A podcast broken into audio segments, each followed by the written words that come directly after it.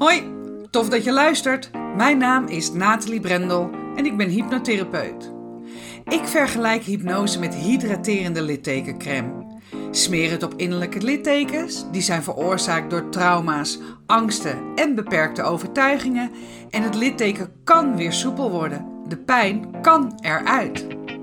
In deze podcast ga ik, naast hypnose, op zoek naar andere hydraterende littekencremes. Want wat is er allemaal te vinden in het alternatieve therapieëncircuit? Ik ga in gesprek met de beste specialisten. Hoe zijn zij met hun smeerseltjes in aanraking gekomen? Wat was het moment dat ze dachten: dit is te gek, hier ga ik in verder? En wat doet het precies? En ik spreek ervaringsdeskundigen. Waarom zijn ze juist deze therapievorm gaan volgen? En wat heeft het ze opgeleverd? Kortom, de verhalen achter de kremmetjes. Welkom bij Smeren met Brendel.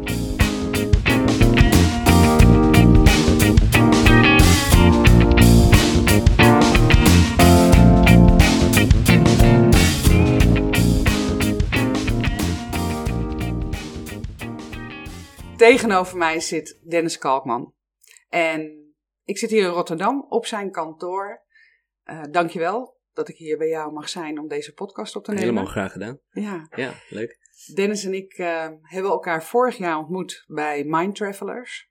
Dennis is een ervaringsdeskundige in alternatieve therapievormen. En ik ben heel benieuwd uh, naar zijn verhaal en hoe hij er ook toegekomen is om ja, wat anders te gaan doen dan anderen. Maar um, Dennis, ten eerste kan je een beetje vertellen over jezelf? Uit wat voor nest kom je? Waar kom je vandaan?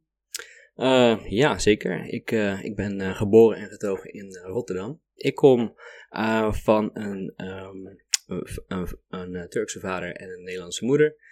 Um, zij verwekte mij toen zij 17 en 20 waren. Dus een, een jong stel. Eigenlijk helemaal niet klaar voor kinderen. Ik heb daarna nog vijf zusjes gekregen en één broertje. Jij bent de oudste? Ik ben de oudste, um, maar wel versnipperd hoor. Want mijn ouders zijn rond mijn negende uh, uit elkaar gegaan en zijn allebei uh, hertrouwd. Hebben weer gezinnen gecreëerd.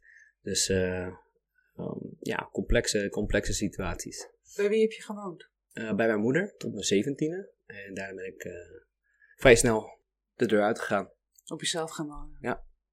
Hoe was dat? Uh, want hoe oud is het zusje wat onder jou komt? Uh, die is vijf jaar jonger. Vijf jaar. Dus je bent vijf jaar enigst kind geweest. En daarna nog vier jaar zijn zij getrouwd geweest. Hoeveel, uh, hoeveel heb je nog broertje, zusjes en een broer? Zijn die allemaal uit de andere ja, gezinnen? Ja, ja, ik heb één vol, vol zusje, zeg maar. Ja. Um, en voor de rest allemaal halve. Oké. En hoe was dat vroeger bij jullie thuis? Um, ja, een vrij onveilig, onveilig begin, kan ik, uh, is wel de samenvatting. Mijn vader was gewoon een ontevreden man. Um, hij is op zijn vijftiende van Turkije hier naar Nederland gevlucht. Was een uh, onstabiele situatie waar hij is opgegroeid in Istanbul. Zijn moeder die, um, ja, um, die stuurde hem naar zijn vader. Zijn vader was hier al toegekomen voor zaken. En hij ging niet naar school. Dus leerde niet de Nederlandse taal. Hij werkte gewoon 12 uur per dag in de zwarmenzaak van zijn vader. En uh, het is altijd een bepaalde ontevredenheid bij hem uh, geweest.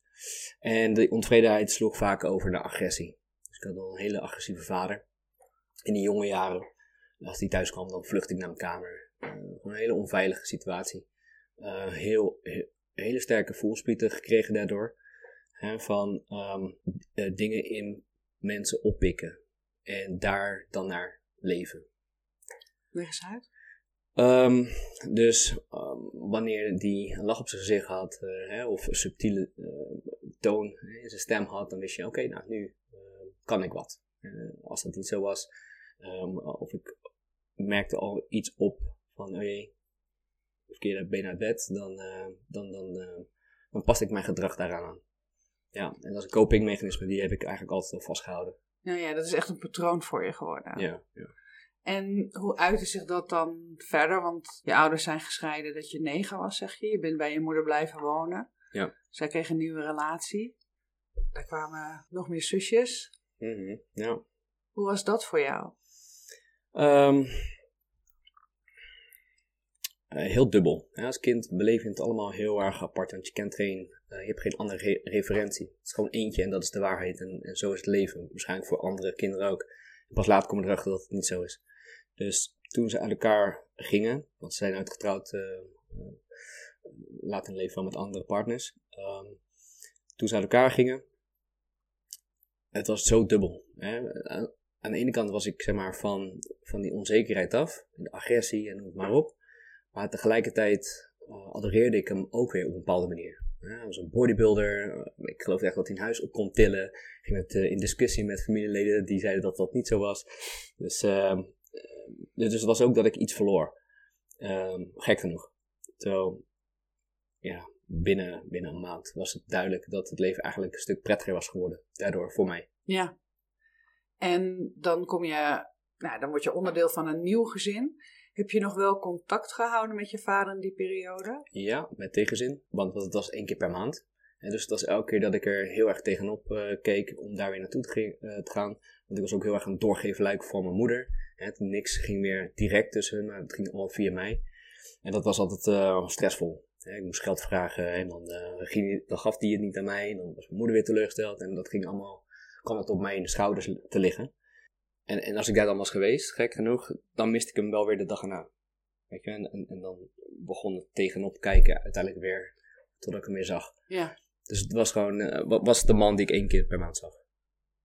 Je zag hem één keer per maand? je adoreerde hem aan de ene kant, want ja, je wil als kind toch heel veel liefde van je ouders vooral. En mhm. dat is natuurlijk waar het, ja, je, je pas je aan aan je omgeving om inderdaad maar die verzorging en die liefde te krijgen. Hoe was het verder voor je? Hoe ontwikkelde je je verder in, ja, met, op school, met vrienden? Was je daar ook op een gegeven moment uh, nou ja, dat je zegt aan het kopen, hè, zoals je dat dan uh, noemt. Dat je je aanpaste. Uh, nou nee, school stond eigenlijk helemaal niet hoog op mijn prioriteiten. Um, of, of dat, mijn ouders die brachten mij niet bij dat het een belangrijk onderdeel is.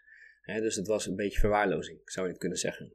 Dus tot, tot aan, laten zeggen, groep 8, hè, met de CITO-toets, ehm, ik, ik, ik kreeg het laagste niveau mee. Tot het moment, begin groep 8, mijn beste vriend Mark, um, nu, zelfs nu nog, daar raakte ik mee in competitie. dus ik wilde hem aftroeven en hij mij. En dat was eigenlijk de enige reden waarom ik uiteindelijk dus toch een HAVO-advies meekreeg. Maar het was nul inbreng van mijn, uh, van mijn ouders. Er werd nooit overhoord, werd nooit, de brief werd nooit gelezen. Dus het was gewoon dat ik dan op school kwam en dan was het niet voorbereid. Of, hè, dat, was gewoon... Um, ik stond, stond er gewoon alleen voor. Ja. ja. Mark is je vriend, nog steeds, zeg je? Ja. ja. Had je wel veel vrienden op school verder? Ja, dat, ging, je... dat ging eigenlijk gewoon prima. Ik was altijd de kleinste van, uh, van, van, de klas, ook van de meisjes. Dus dat was al wel een, een, uh, een thema hè, in mijn leven. niet gezien worden door meisjes, terwijl ik al vanaf jonge leeftijd een beetje een romantisch hartje had. en vaak meisjes um, um, ja, hun, hun, hun aandacht uh, wilden, maar niet kreeg. ja, dat klinkt sneu, hè, maar... Nee hoor, klinkt helemaal, klinkt helemaal niet sneu. Klinkt juist heel schattig, vind ik het klinken. Mm. Maar uh, zo voelde jou dat, jij dat in ieder geval op dat Toen moment zeker niet. Nee. Zeker niet. hey, en uh, hoe ging dat verder? Want je bent naar, dus naar de HAVO gegaan. Ja ja, op middelbare school was het steeds de kleinste. Um, en uh, ik werd ook veel gepest toen. En op basisschool was het gewoon, ik kon met iedereen overweg en ik lag er gewoon goed in. Maar op de middelbare school werd ik wel echt gepest. Ik kan me nog een keer herinneren dat ik ondersteboven in de prullenbak belandde. Zo klein was ik, was tilde me op. En, uh, dus dat was, dat was wel ehm, ehm, een, een nare ervaring. En dat, dat, dat gevoel van continu gepest worden, dat was ik op een gegeven moment gewoon spuugzat. Dus ergens rond de tweede klas of zo, derde klas, toen begon ik te trainen. En dus dan uh, gewoon echt... Trainen in wat? Ja, heel, heel, heel, heel creatief. Dus gewoon kaplaarzen vullen met knikkers. En die gewoon zo lang mogelijk in de lucht houden, weet je wel, horizontaal.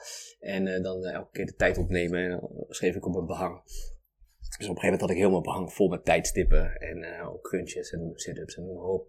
Wow. Dus binnen zes maanden was mijn fysiek dusdanig veranderd dat ik ben nooit meer gepest. De meisjes zagen me wat meer staan.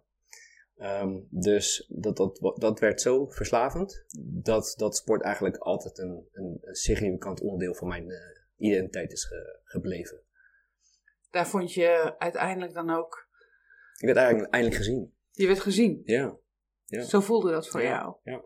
En door wie werd je gezien dan? Um, ja, door, door eigenlijk uh, iedereen. Hè? Dus gewoon um, mijn vader die mij op wat anders gaat behandelen.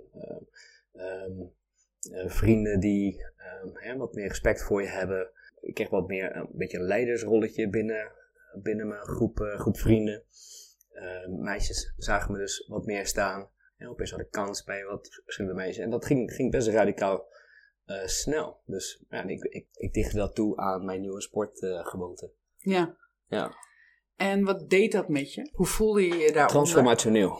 Ja? Ja, ja, ja, zeker. Dus het was eh, van slachtoffer naar uh, iemand die met zijn eigen uh, handelen iets voor elkaar kon krijgen. Hè? Dus, dus, dus geloof van, oké, als ik me iets voorneem en ik geef daar gewoon alles voor, volle aandacht en, ik, en, en, en tijd doet de rest. Dus, dus dat, dat was wel een, hele, een heel mooi potje goud wat ik daar aanboorde. Is dat iets wat je nog steeds doet dan? Als je iets, met, doe je, als je iets doet, doe je dat dan ook met volle aandacht? Is dat ook, uh, kun je daar... Uh, ja, zeker. Ja, het grootste gedeelte van mijn leven wel. We zullen straks ook, de reden waarom ik naar alternatieve geneeswijzen ben gestapt. Um, want, want, dat stukje verdween. maar over het algemeen, ja, heb ik dat wat, wel meegenomen. Welk stukje verdween?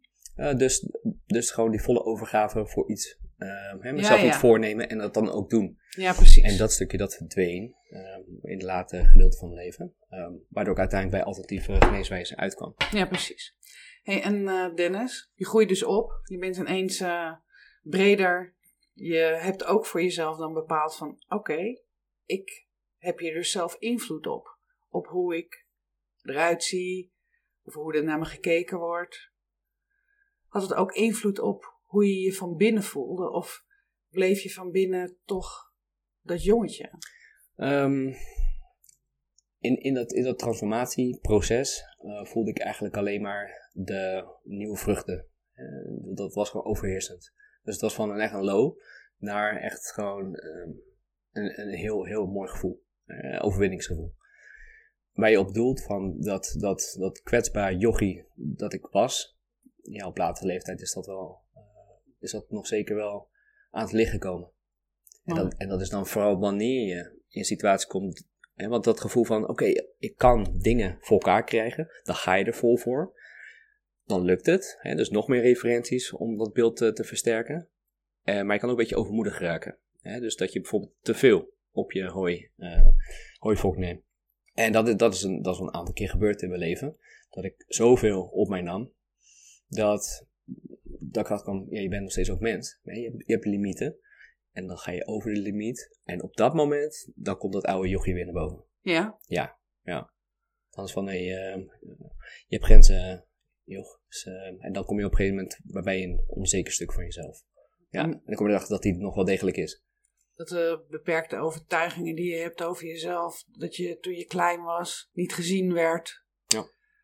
Dat je je moest aanpassen om zeg maar die liefde te krijgen, dat kwam dan weer boven? Ja. ja. ja. Wanneer merkte je dat voor het eerst? Um, op, op een hele grote wijze was dat toen ik uh, na, mijn, uh, na de HAVO ben ik uh, accountancy gaan studeren op de Hogeschool Rotterdam. Diploma gehaald en daarna toen ehm, een jaar gewerkt bij PricewaterhouseCoopers. flinke tegenzin, dus ehm, ook snel gestopt ben toen voor mezelf begonnen. Uh, eigen belasting- en uh, in die opbouwfase had ik ook nog een bijbaan erbij. Dus gaf ik les op een particuliere school. Um, deed dan de HAVO-VWO examenjaar. Uh, economie en management en organisatie. gaf ik toen bijles. En uiteindelijk ook op de Hogeschool Rotterdam. Waar ik twee jaar daarvoor mijn diploma had gehaald. stond ik dan voor de klas als, een, als een freelancer. En kreeg twee klassen. Dus dat was maar vier uur per, per, per week. En dat, dat ging zo goed. Want dat zijn een aantal andere klassen die andere docenten krijgen. Dus ze hadden vergelijkingsmateriaal. En, en mijn klassen die scoorden uh, flink hoger. Mijn beoordelingen waren ook echt heel goed. Dat op een gegeven moment verschillende afdelingen binnen de hogeschool aan me begonnen te trekken van hé, hey, we hebben nog een paar uur, een paar uur. Ja. Dus toen was het op een gegeven moment dat zat ik uh, op het absolute toppunt. Zat ik, Streelde dat ook je ego? Ja. Ja. En, en, en ik vond het leuk. Oké. Ik vond het ook echt, echt leuk om uh, voor de klas te staan. Ja. Um, om interactief bezig te zijn. En niet, niet zeg maar zo standaard lesgeven van hier gaan we luisteren en ik ga je alles vertellen. Nee, gewoon wat is de input van de studenten, waar, op welk niveau zitten ze en daar instappen en dan proberen we mee te nemen naar boven. Had je voorbeelden van dat soort leraren of wilde je juist andere leraar zijn als dat je zelf had gehad? Um, ik denk dat dat mee te maken had met het Luzak. Want het Luzak was gewoon heel compact, heel klein, weet je wel. En dan kreeg je heel interactief les. En, en, en ik merkte dat dat gewoon heel goed werkte. Hm. Om in te stappen bij het niveau van, van het kind uh, of, of student. En, en vanuit daar naar boven bewegen. En niet hopen van, ik ga boven praten en dat, dan moeten zij zelf die stap maken.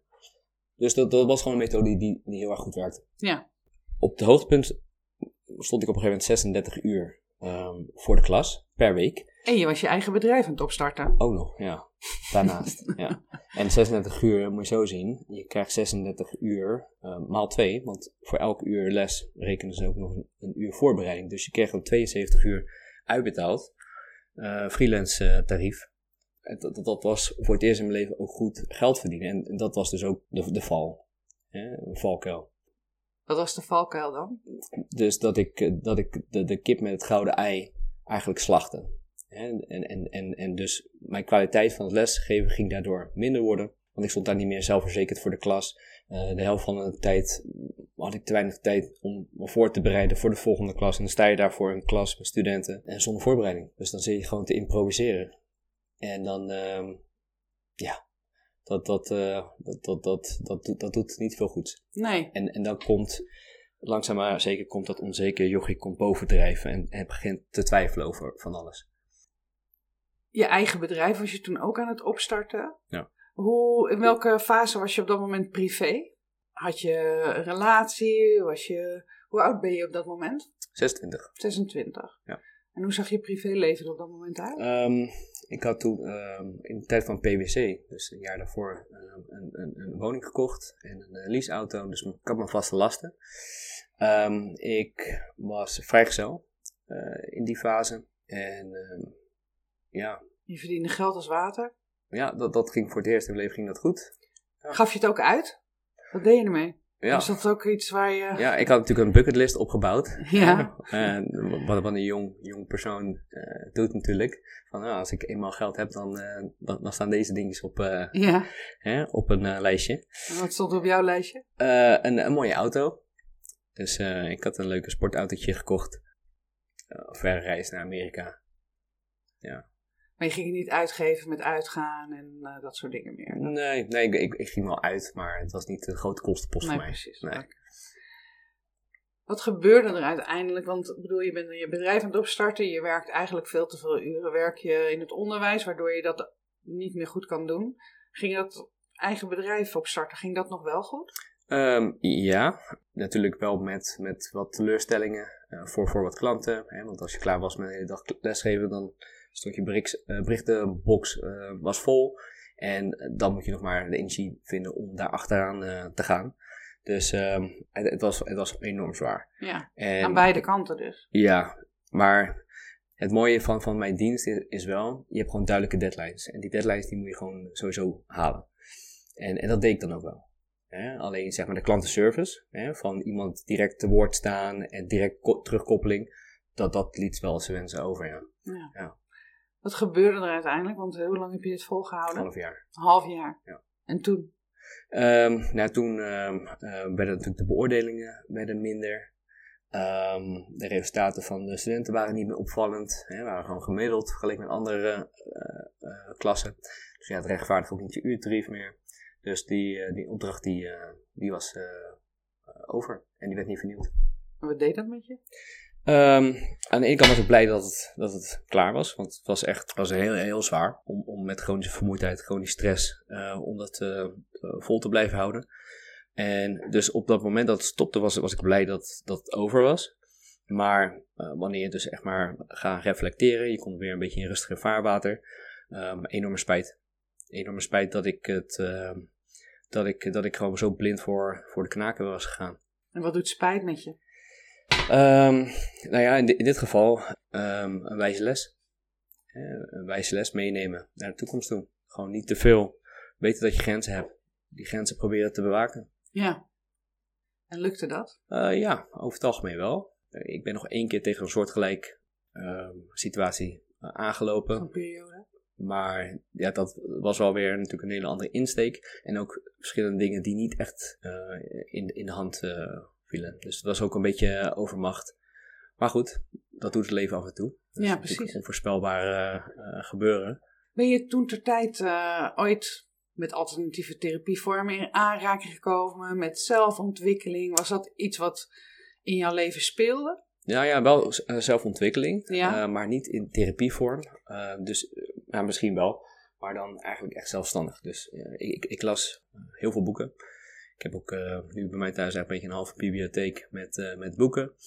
En eh, ik, ik beschouw het ook een beetje zo. Vanaf mijn achttiende ben ik eigenlijk eh, opgevoed. Ben ik pas echt, echt opgevoed door, door iemand. En dat is gewoon in de vorm van wijsheden en, en principes vanuit uh, zelfontplooiingsboeken. Ja, dus je hebt jezelf opgevoed, zeg je dat? Ja, ik denk dat ik door mijn ouders, vooral mijn moeder, ben onderhouden.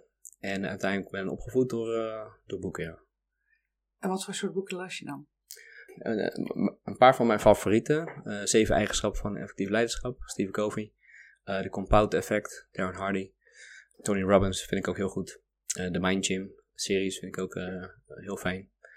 Wat deden dat soort eh, inzichten met je die je kreeg uit die boeken? Hoe paste je die toe in je dagelijks leven? Als ik echt enthousiast werd over een boek, dan, dan kon ik hem niet laten liggen. Dan, eh, dan wil ik ermee aan de slag, dan wil ik het met mensen over hebben. Dan gaf ik het als cadeau aan mensen om ermee te kunnen, eh, over kunnen babbelen. Ja, Dus dat was ook wel echt op een gegeven moment een beetje een kenmerk voor mij. Ja, gewoon oké. ik gaf alleen, ja, je kreeg altijd een boek Ja, van jou ja, ja, ja. verjaardag. Oké. Ja, ja, ja, ja. Kijk, ik heb nog wel eens een kritiek mee. Alweer een boek. Oh, heel en bedankt. Ja, maar deze moet je echt lezen. En ehm, mijn vraag was, wat deden dat soort eh, eh, inzichten die je dan kreeg uit dat soort boeken? Hoe paste je die toe dan in je dagelijks leven? Waar, waar merkte je aan dat dat Hm, ja, toegevoegde waarde voor je had? ja, precies. Bijvoorbeeld, hè, in het boek van de, van de zeven eigenschappen, eigenschap 2 begint met het einde voor ogen. Twee begin met Eh, het eigenschap 2 begint met het einde voor ogen. het einde voor ogen. Ja, hè, dus gewoon wanneer ehm, en, en dan geeft hij een oefening mee. Dan, dan laat hij je deelnemen aan je eigen begrafenis. Hè, dus je, je bent een toeschouwer. Niemand kan jou zien, je bent dood. Het is jouw begrafenis, maar je bent toeschouwer. En nu gaan de significante mensen uit je leven, die gaan hun woordje doen. Wat wil je dat ze zeggen? Nou, wanneer je die oefening heel serieus doet. nou, ik ben toen naar de duinen gegaan en ik ben gewoon vier uur lang ben ik gaan pennen. En eh, ben gewoon eh, tot het diepste puntje gekomen van wat, wat, wat wil ik nou eigenlijk? Hè, wat wil ik dat de mensen over mij zeggen? Want, want zo wil je dus ook het liefst leven. Hè? Want anders zou dus dat niet tot, tot dat punt komen. Mhm. En dat is dus gewoon begin met het einde van oké, zo gaat het einde er het liefst uitzien. En dan, dan weet je ook gewoon welke pad je moet gaan bewandelen. En wat wilde je dat mensen over je zouden zeggen? Ehm, een, een ambitieus, inspirationeel mens die te vertrouwen is, loyaal is, een, een- voorziener is, een giver, een romanticus, een reizer, ja, dat soort dingen. En lukte dat ook? Om daar naar te leven? Ja, in grote delen denk ik, eh, denk ik van wel. Hoe heb je dat voor elkaar gekregen dan? Want dat jongetje wat gezien wilde worden, want dat zeg je nu ook, een giver, een romanticus. Je bent iemand die geeft, hè? dat is wel duidelijk. Ehm, Ja, ik denk dat tot op mijn dertigste heb ik het allemaal, qua carrière heb ik het best low-key gedaan. Dus gewoon, laten we zeggen, na het hogeschool gebeuren. Toen heb ik eh, een beetje part-time heb ik een beetje mijn bedrijfje gedaan en eh, heel veel op reis geweest. Eh, heel veel gezien, heel veel gedaan, heel veel geïnitieerd. Hè, dus gewoon met familie, met vrienden. Ehm, en altijd ging ik naar hun om dingen te doen en dingen ehm, hè, over hun problemen praten en proberen daar een beetje iets in te kunnen doen. Want ik zat wel lekker. Jij zat wel lekker. Ik zat wel lekker, ja. Dus gewoon leven voor jezelf was eigenlijk op een gegeven moment wel een, eh, een verworven kunst. En dat, dat, dat ging wel, dat ging wel heel, heel, heel, ging mij wel heel goed af. Ja. Dat veranderde, hè, de complexiteit van het bestaan neemt significant toe wanneer je op een gegeven moment ehm, een significante ander eh, ontmoet en vervolgens eh, daar een gezin mee gaat stichten. Ja, wat veranderde daar? Ehm, het niet meer simpelweg kunnen leven voor jezelf, maar rekening houden met een andere agenda, met een, met een persoon eh, die je elke dag weer ziet. En, en al helemaal wanneer dus de kleintjes gaan komen. Ja, want je hebt dochters. Ja, ik heb drie dochters. Hele mooie. Ja, ja vind Ja. ik ook. Ja, precies. Hoe was het om vader te worden? Ja, dus zeg maar dat op Loki eh, een bedrijfje onderhouden, dat, dat veranderde wezenlijk. Hè? Dus eh, een verantwoordelijkheidsgevoel van tot en met. Dus binnen, binnen een jaar, eh, anderhalf jaar, eh, was, was, eh, was mijn omzet vier- vierdubbeld. En dat ging, eh, dat ging eigenlijk al- allemaal wel. Maar dat betekende ook dat je veel harder, veel meer ging werken? Ja, en wat slimmer. Oké. Want als je keek naar je eigen vader, wat was je gedachte daarover dan? Van dat gaat mij niet gebeuren of dat ga ik anders doen? Of had je dat soort gedachten? Oh ja, zeker wel. Ja, ja. Ja, dus ehm, dat, dat, dat, de hele on- ontevredenheid en dat ehm, hè, kort lontje en dat soort zaken. Eh, ik wil echt een voorbeeld zijn. Een, een schijnend voorbeeld van, oké, zo, zo kan je als mens een eh, mooi leven hebben. Ja, Wel een beetje het hoofddoel, misschien wel van mijn leven, geworden. Om die drama en dat, eh, de pijn die, zeg maar, van mijn vader, die ook weer had gekregen van zijn vader, om, om, om dat bij mij te laten stoppen. Van oké, eh, ik, ik, ik vang alles op. En mijn kids die, die krijgen als het ware gewoon een, eh, schone, een schoon begin. En die kunnen dan hopelijk het doorgeven aan hun kinderen. Dus dat is een beetje het hoofdidee. Ja, ik zit, ik zit tegelijkertijd te denken aan, zeg maar, waar, waar een, een, een, een verhaal waar dat hoofddoel ehm, een flinke deuk heeft gekregen. nou vertel maar. Nou ja, dat was toen mijn dochter mij, eh, mij vond, weggevoerd door een ambulancebroeder. Omdat ik eh, van uitputting in was gestort, van achter mijn laptop. Mijn vrouw vond mij midden in de nacht. Ik was tot diep in de nacht doorgegaan en ik was, eh, ik was ingestort. En mijn dochter die zag het laatste stuk. Dus dat ik af werd gevoerd door zo'n eh, ambulancebroeder richting ziekenhuis. En wat was de aanloop naar uiteindelijk dan deze climax? Ja, ja dat, was de, dat, dat was uiteindelijk de meest eh, uitdagende en moeilijke periode van mijn leven. Waar, welke periode praten we? Waar, welk jaar zitten we? Waar, hoe oud ben je dan? Eh, was het jaar eh, van 2020 naar 2021. Oké. En ja, kinderen zijn dan hoe oud? De oudste eh, was toen 12 Ja. en de middelste die eh, was 3 en de jongste die zat nog in de buik. Oké. Dus je hebt je oudste dochter gekregen. Vanaf dat moment ben je gaan vlammen van... hé, hey, nu ga ik ervoor zorgen. Nee, de, de middelste. En de middelste was mijn eerste. De oudste die was van mijn vrouw in een Oké. vorig huwelijk. Oké, Alleen die vader die is overleden. oké. Dan was het dus nog korter geleden. Dus het was drie jaar daarvoor dat je kreeg je dochter. En op dat moment dacht je... zij gaan niet meemaken wat ik heb meegemaakt. Zij gaan een beter leven krijgen dan ik eh, krijg. Het stopt bij mij. Ik geef het niet door. Ik ga zorgen dat hij aan niets ontbreekt. Je bent hard gaan werken, wil een goede vader zijn. En dan is het uiteindelijk. Ja, met, met nog een paar eh, extra puntjes. Ehm, dus inderdaad, mijn bedrijf was flink gegroeid. Mijn vrouw was hoogzwanger van de volgende. We zaten ook in, eh in gestengel met de gemeente op dat moment. En we wilden een aanbouw laten plaatsen eh, voor de au pair. Om ons erbij te staan in die drukke periode. En na anderhalf jaar kregen wij eindelijk onze vergunning. Dat, dat aanbouwstuk viel dus precies in die extreem drukke periode. Eh, ik zit in belasting, dus in het voorjaar is dan vooral echt het eh, hè, tornado-seizoen. Ja, Dat gebeurt bijna alles in, in een hele korte tijd. Uh, we stonden ook uh, meer dan een jaar op een wachtlijst voor een labradoodle. En dus ook dat. dat is een hond. Toen werden we gekozen. Ja, precies. Hond. Uh, toen werden we ook uh, gekozen om, om een pup te mogen ophalen. Maar dat was ook in diezelfde periode. En dat is ook eigenlijk gewoon een half baby. Uh, kinder, kinderkamertje fixen. Corona. Het was een coronaperiode. Dus de au pair mocht niet komen. Dus het was echt een perfect storm. Alles bij elkaar was het gewoon ja, krankzinnig druk. Dus overdag was ik met van alles bezig. eh, behalve werk. En dan pikte ik het op in de avond en, en soms tot de nachtelijke uren. Ja. En dat was zo enorm pittig Ja. dat ik, ehm, dat, dat, ik, dat ik op een gegeven moment ben gaan eh, grijpen naar stimulerende middelen. En, en het voor mezelf rechtvaardigde. Van oké, dit is niet menselijk, dit kan ik niet. Niet, niet nadenken over hulp vragen, want dat is, dat is een zwakheid van mij. Dat, dat heb ik nooit gekund, of dat zag ik als een zwakheid. Ja. Uh, ben inmiddels al tot een andere mening gekomen, eh, wat dat betreft. Gelukkig maar. Ja. dus ja, al- Maar je had dus eigenlijk viel alles samen Ja, in die periode. En nou ja, goed. Wat je net ook al vertelde over de periode dat je eh, op school les gaf. Toen heb je ook die belasting, dat opstarten van je bedrijf, je er gewoon bij gedaan. Want ook toen, daar zit natuurlijk eh, eh, diezelfde deadline aan. Dus je deed eigenlijk weer precies hetzelfde als wat je in die periode daarvoor ook had gedaan.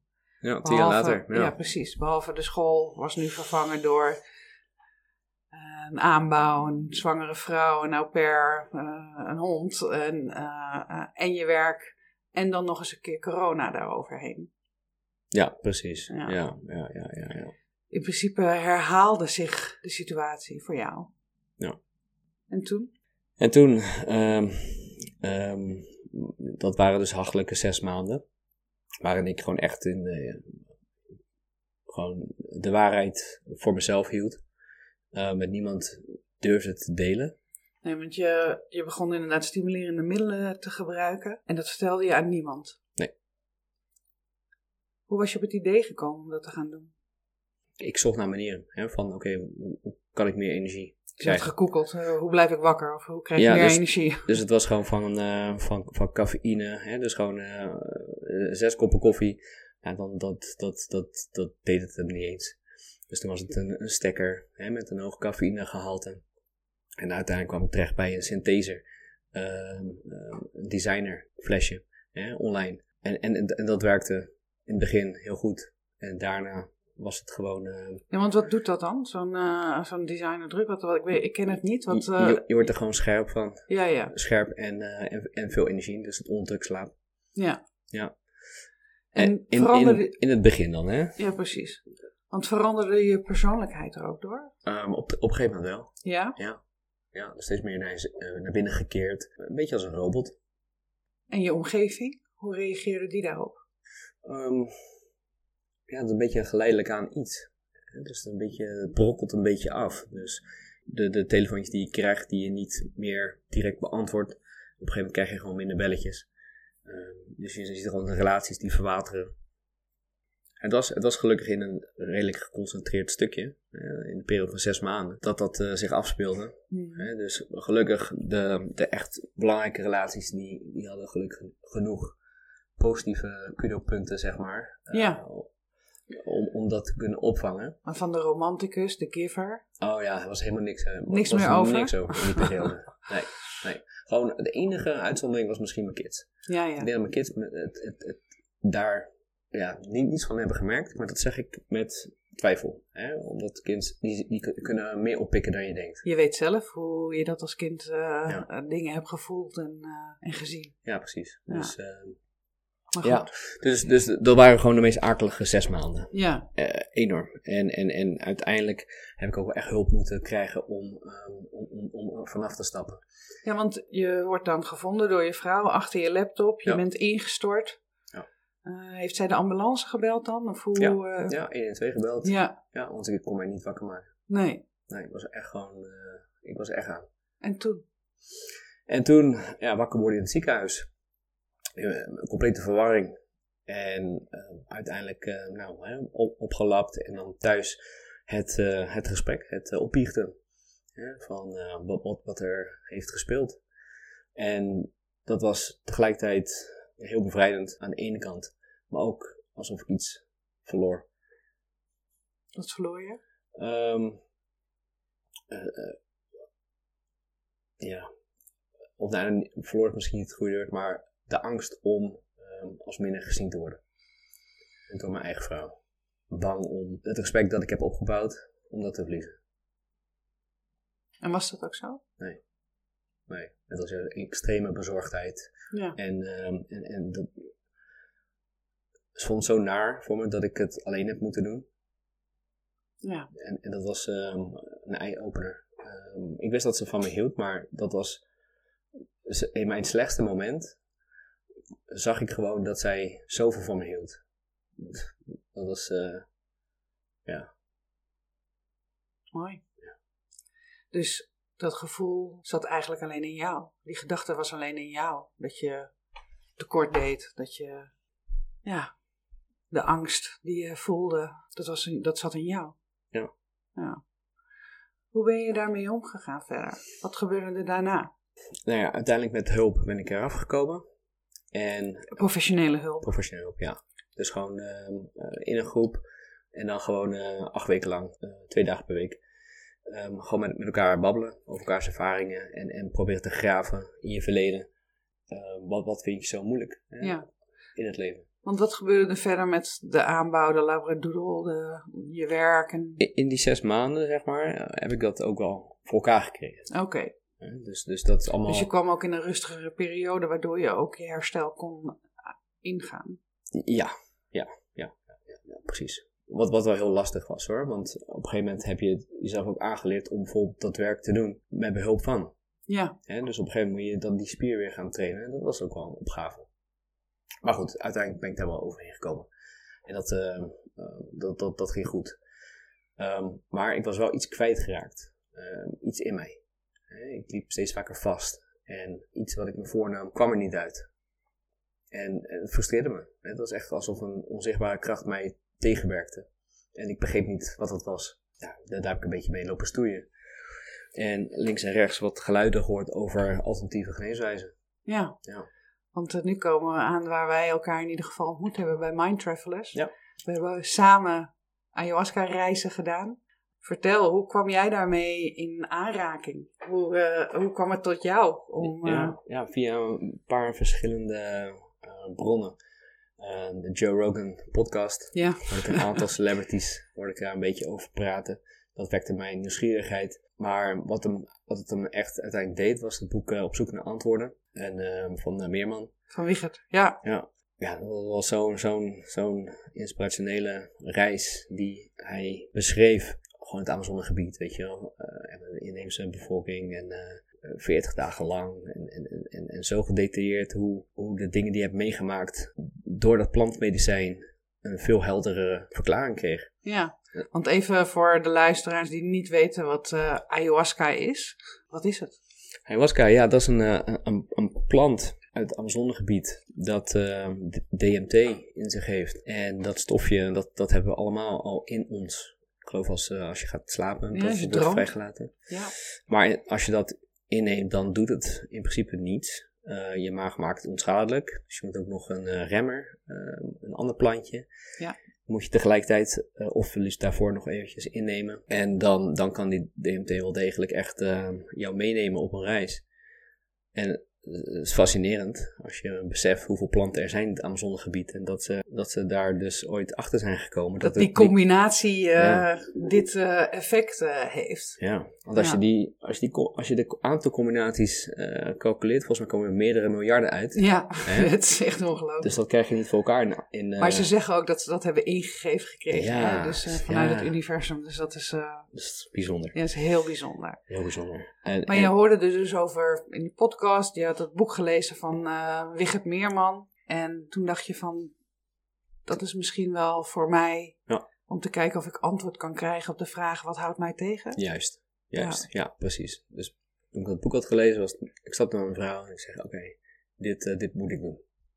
Dat was nog een beetje met, eh, een beetje, omdat het gewoon onbekend is. Ja, Eh, en eh, er zijn natuurlijk ook heel veel mensen die zeggen van, ja, dat is gewoon drugs.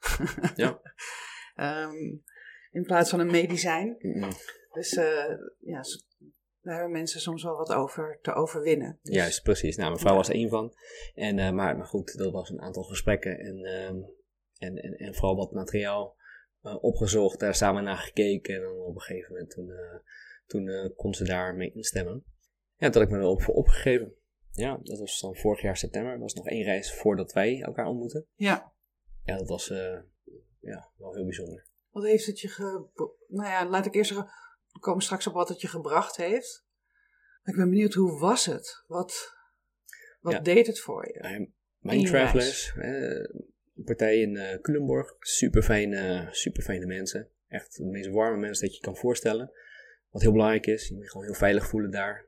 Als je dat, eh, als je dat plantmedicijn toeneemt eh, of inneemt. En het was ehm, een tweedaagse gebeuren. En op dag 1 was het in eerste instantie ehm, tegenvallend. Ik ging in, in een enorme struggle. Weerstand? een soort weerstand. Ik, ik, ik fluisterde continu in van, ja, ik ben van jou, neem me over, het maar op. Maar het was echt heel de tijd eh, vechten tegen misselijkheid. En ehm, het, het, het, het kwam elke keer een beetje naar boven en dan zakte het weer weg. En dat was zes Ja, uur want lang. wat, want wat het doet is in principe, hè, die DMT die naar je brein gaat, zorgt ervoor dat je ja, hallucinerende-achtige ervaringen krijgt. Zeg ik het zo goed voor jou? Klopt, ja zeker. Dus het eerste uurtje wa- was heel visueel. Echt de meest prachtige, ehm, eh, je kreeg het meest prachtige patronen te zien en ehm, de, de geluiden in je omgeving. Het is echt fascinerend. Het is, het is bizar. Nog nooit zoiets meegemaakt. Maar vervolgens dan ga je, eh, ging ik dan in een andere fase. En, en die fase was op dag 1 was het echt een struggle. Het was continu vechten tegen fysieke ehm, ehm, impulsen die ik kreeg. En dat vooral misselijkheid. En het kwam er maar niet uit. Ik probeerde het en eh, het lukte maar niet. Eh, pas aan het einde van de eerste dag, toen kwam het, er, kwam het eruit. En toen voelde ik nog, oh nee, er zit nog veel meer. Dus Maar wat kwam er uit voor jou? er kwam, er kwam oud rot uit of zo. Hetgeen wat, wat me vasthoudt, dat was een vleugje wat, wat ik ervan uit kon krijgen.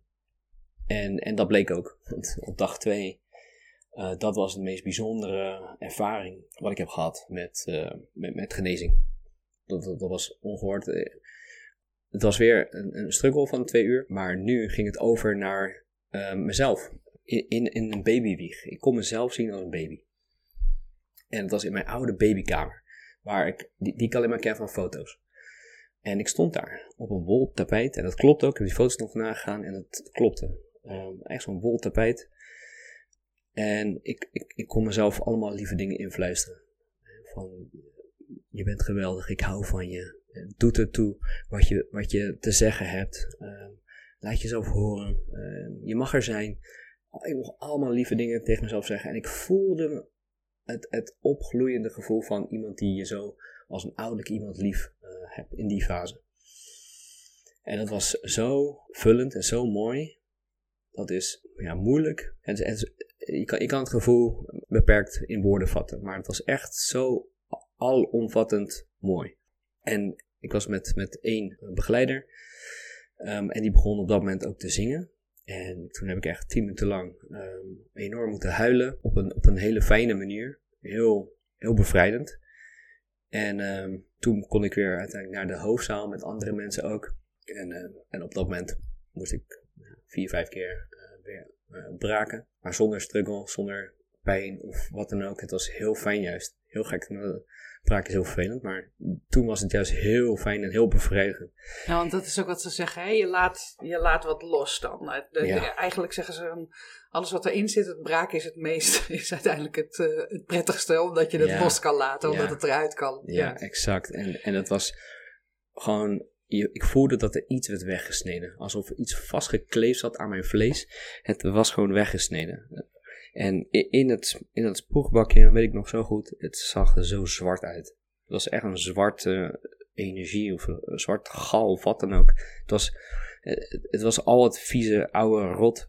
Maar wat het eigenlijk echt was, het was gewoon het, het stukje schaamte hè, van wat ik, wat ik dus een jaar geleden, uh, in welke fase ik een jaar geleden zat. Een jaar ervoor zat. Ja, en dus ik heb dat al die tijd heb ik gewoon gewoon vastgehouden. Hè, ik zag mezelf altijd als een bepaald persoon. Van ik ben iemand die in staat is om zijn leven vorm te geven zoals hij dat wil. Hè, uh, wat, wat afstemde vanaf uh, hè, mijn, uh, mijn puberteit, zeg maar. Dat essentieel stukje van mijn identiteit, dat begon af te brokkelen toen ik mezelf in, in een verslaafde staat bevond. Dat, dat was zo'n, um, ja, dat had ik nooit achter mezelf gezocht. Dat ik dat zou kunnen. En, en daar heb ik me zo voor geschaamd. En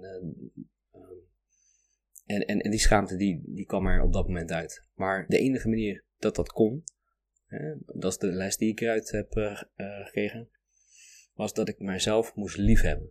Hè, echt extreem moest liefhebben. Als een persoon. En dat was dus in die fase daarvoor, hè, in die ayahuasca-ceremonie. Dat ik mezelf kon liefhebben als een ouder. Ja, dat was essentieel. Hè, om, om dat stukje schaamte eindelijk echt van af te kunnen schudden. En wat heeft het je daarna gebracht in je dagelijks leven? Want dan heb je zo'n ervaring ja. die bizar is, die je, ja, ook wat je net zegt, bijna niet te beschrijven is.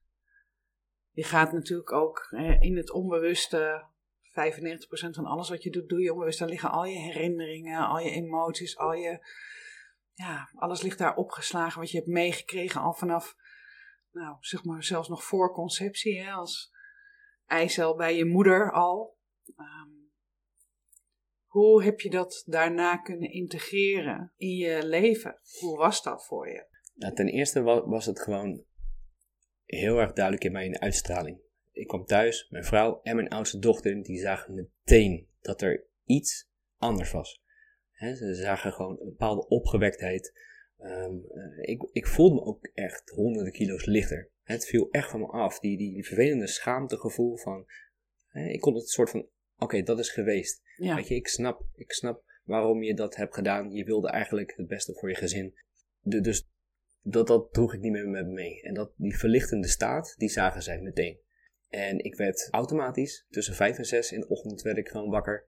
Dus die verlichting, dat was gewoon, dat, dat was er gewoon. Verder, qua uh, wat heeft het voor mij gedaan op een blijvende manier? Uh, ik denk, denk zelfbewustzijn. Hè, dus dat ik gewoon echt actiever op zoek uh, ben gegaan van ja, wie, wie ben ik nu? Hè? Even updaten deze status. Gewoon wie, wie ben ik nu? Ja. Dus niet meer van de oude patronen, maar wie ben ik nu? Um, wat, wat, raakt mij? Welke woorden, als ik ze uitspreek, geven mij een goed gevoel? Welke doen mijn maag een beetje verkrampen? Hé, hey, wat is dat? Dus meer die voelsprieten. Dus je ging ook echt veel meer met jezelf ook aan het werk. Ja, ja het heeft me veel zelfbewuster gemaakt. Ja. Als je dan kijkt naar al die boeken die je had gelezen, waar natuurlijk ook dit ook in staat, hè? is dat dan dat je met de ayahuasca ten eerste de schaamte hebt ja, afgeworpen, uit je, eigenlijk uit je hebt gesneden, hè? want zoals je het net zegt dat je ook veel meer nu invoelt wat er in die boeken staat, wat er bedoeld wordt? Ja, oké. Ik, ben nooit echt naar de spirituele kant gegaan hè, van zelfhulpboeken. Um, het was meer van, oké, hoe kan ik succes verwerven? en en uh, hoe kan ik, zeg maar, mezelf uh, een hoog inkomen en een mooi huis... hoe kan ik beïnvloeden? Hoe kan ik communiceren? Zeg maar gewoon de tools om die aan te sterken. Maar het, het, gevoelsleven en um, naar binnen kijken, dat, dat, dat stukje, dat, dat heb ik eigenlijk nooit echt serieus opgepakt. Uh, dus dat is denk ik wel een groot verschil met, uh, tussen, tussen de boeken en, en, en, mijn ervaring met ayahuasca. Ja, want hoe is dat nu dan? Als je kijkt naar, nou goed, de spirituele kant vind ik altijd maar gewoon inderdaad de zelfontwikkeling naar binnen gaan, kijken naar jezelf, voelen, je lijf ook gewoon voelen uit dat hoofd, in dat lijf. Ik, ik vind zelf ook nog best een struggle op sommige momenten. Ja, absoluut, zeker. het is uh, zeker een, een bepaald punt dat je aankomt en van dat je denkt, oké, nu, nu beheers ik alles. Oh, zeker. Nee, volgens mij des te meer leer, des te minder ik weet. Dat gevoel heb ik heel sterk. Dus er weer werk er nog te doen is ook vooral. Ja, Herken je dat? Ja, zeker. Maar de kleine stapjes die je maakt en dat je zelf ook af en toe onderschept. Zo van, je kan in het gedachtepatroon bijvoorbeeld uh, vastzitten. Ja. En dat je zegt, onderschep van, nee, je, je, je, hebt genoeg gedaan. Je hebt genoeg gedaan, je hebt genoeg voorbereid en nu ga je gewoon vertrouwen op jezelf. Precies. En dus gewoon dat soort dingen, als je dan onderschept en je weet van, hé, hey, dit, is, dit is een goed voorbeeld waarin ik laat zien dat ik mezelf lief heb, vertrouwd en noem maar op. Dat, dat, vind, dat vind ik hele mooie momenten. Ja. ja. Herkenbaar. Herkenbaar. Als je kijkt, hè, Dennis, want ik bedoel, je bent redelijk rock bottom gegaan voordat je uiteindelijk die stap zette ik merk steeds meer in de gesprekken die ik voer met mensen dat er, ja, dat, dat er best wel echt wel significant iets moet gebeuren voordat ze die stap zetten ook naar alternatieve therapievormen. Dat in het proces dat het niet goed gaat, dat ze eerder naar andere middelen grijpen. Nou, dat herken je, maar ook dat kan ook verdoving zijn door, weet ik veel, Netflix of uh, door eten of drank of drugs of, of, of, of porno, whatever. Hoe zouden we, en dat voel ik ook een beetje, nou, niet zozeer als een missie, maar wel nou dat is ook wel de reden waarom ik deze podcast ben gestart. Omdat ik de alternatieve therapievormen die er zijn, en er zijn er zoveel, die zo helpend zijn om jezelf beter te leren kennen, waardoor je gewoon ja, meer vertrouwen krijgt. En die belemmerende overtuigingen die je van al die conditioneringslagen over je heen hebt gekregen, die niet van jou zijn, uh, maar die je uiteindelijk wellicht op enig moment wel bent gaan geloven, om die los te laten. Er zijn zoveel mooie therapievormen die daartoe bijdragen. Hoe zouden we. Want jij zit hier nu in die podcast. Heb je het ook echt uitgedragen aan iedereen dat je dit bent gaan doen? En ben je daar open over geweest? Ja, zeker. zeker. Ik, heb het, uh, ik heb het aan de mensen die dichtst bij mij staan.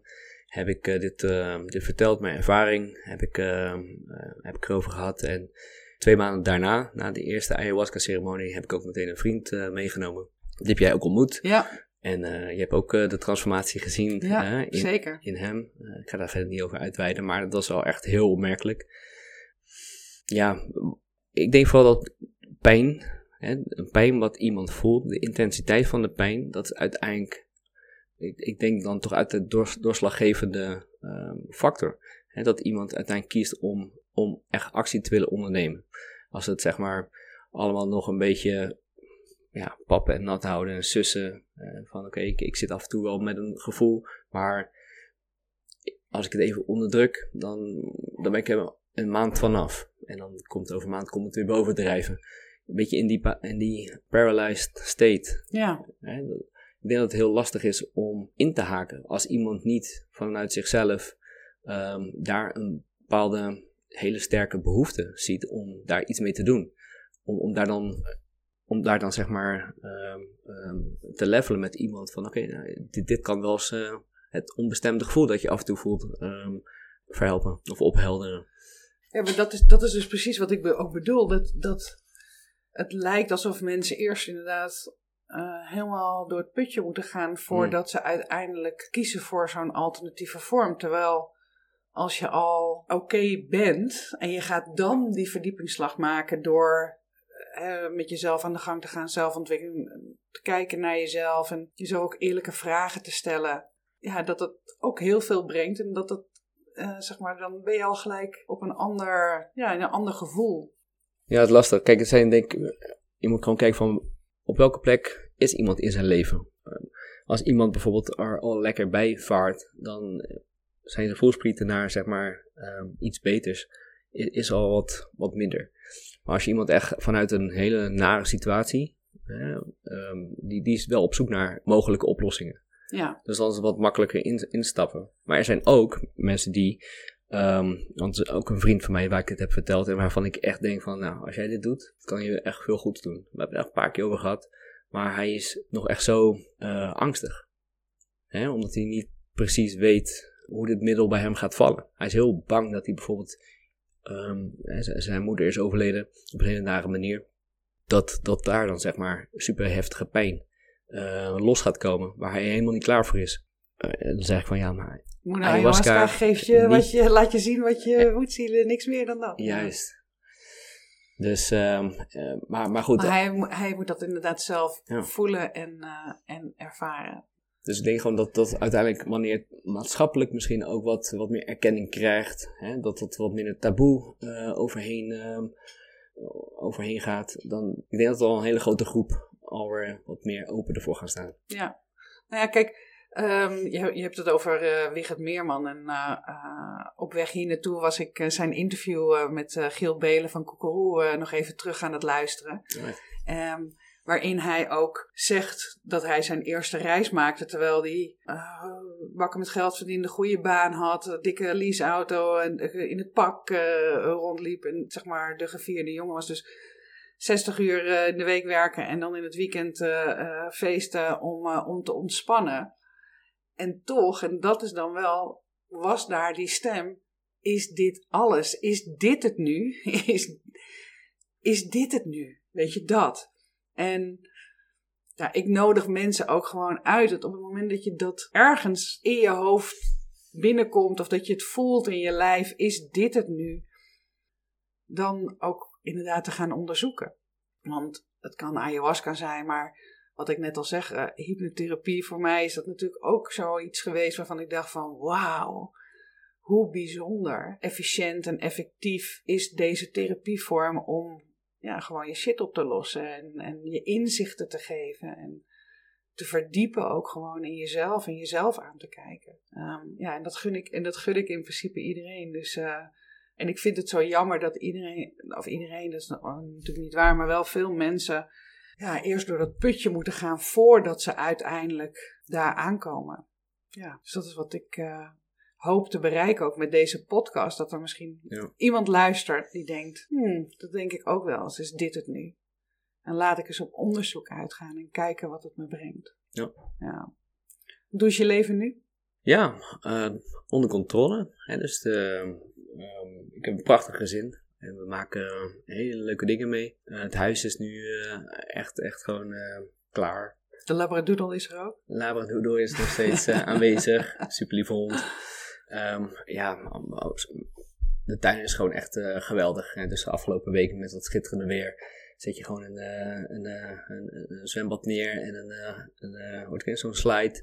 En, en je hebt gewoon lol met je eigen kids, in je eigen stekkie. En, dus dat, dat is echt wel um, een verademing in mijn leven. Het werk is onder controle. Ik heb um, wat afgebouwd. En de wat vervelende, complexe dossiers heb ik afscheid van genomen. al een jaar geleden. En dat werkt aan alles. Dus ik heb wat minder werkdruk. Ik heb, uh, het voorjaar is nu weer klaar. Heb ik gedaan en, en goed, goed gedaan. Um, dus nu, nu zijn de zomermaanden en ik heb, ik werk misschien nu één, twee dagen in de week. Dus ik heb veel tijd voor persoonlijke ontwikkeling. Um, een beetje tuinieren, vakantie plannen. Lekker uh, zo vakantie Europa rondreizen. Mooi. Ja, mooie dingen. Wat zou je als laatste uh, nog willen meegeven in deze podcast voor mensen die luisteren? Die luisteraar die wellicht denkt, hmm, ayahuasca, interessant. Ja, ja als, je, als je vastzit of als je met, met bepaalde heftige emoties te maken hebt, uh, rouw of echt grote levensvragen hebt waar je gewoon uh, niet echt mee verder komt, um, dan, dan zou ik ayahuasca echt van harte aanbevelen om het gewoon een keer te proberen je nodig als het ware echt een wijze, een wijze entiteit uit om even mee te mogen synchroniseren. Dus je, je hebt even toegang tot een hele diepe bron uh, van creatie, van, van, van, van, van wijsheid. En ik heb van de tientallen mensen die ik heb ontmoet tijdens die reizen daar, bij mijn uh, travelers, ik heb nog geen één uh, nare ervaring gezien of gehoord. En het was soms wel pijnlijk, maar wel heel verhelderend. En, en, en daar konden ze iets mee. helend ook, hè? Heel helend, ja. Echt uh, hele bizarre dingen gehoord daar en gezien. En, en het is gewoon echt eigenlijk ja, het beste gezondheidszorg wat je iemand kan toe, uh, hè, wat, wat je iemand kan gunnen. Mooi. Ja. Dat is mooi. Ik wil je bedanken voor dit gesprek. En voor je openheid en je eerlijkheid. Ik waardeer het waanzinnig. En, ja, uh, was een goede oefening om, uh, om dat stukje te laten zien, inderdaad. Om dat uh, schaamtestukje nu even voor goed af te sluiten. Ja, nou, heb, heb je fantastisch gedaan. Dank je wel daarvoor. Graag gedaan.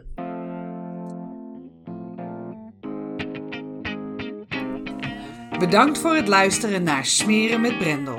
Vond je dit een toffe podcast? Laat dat dan vooral weten door een 5-sterren review achter te laten.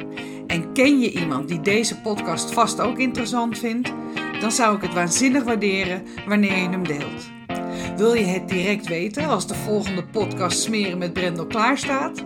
Klik dan in jouw podcast-app op de button subscribe en je ontvangt direct bericht als de nieuwste podcast online staat. In de Spotify-app kan je zowel het beoordelen als het delen en het volgen van deze podcast heel eenvoudig regelen door op de drie puntjes te klikken. Super bedankt!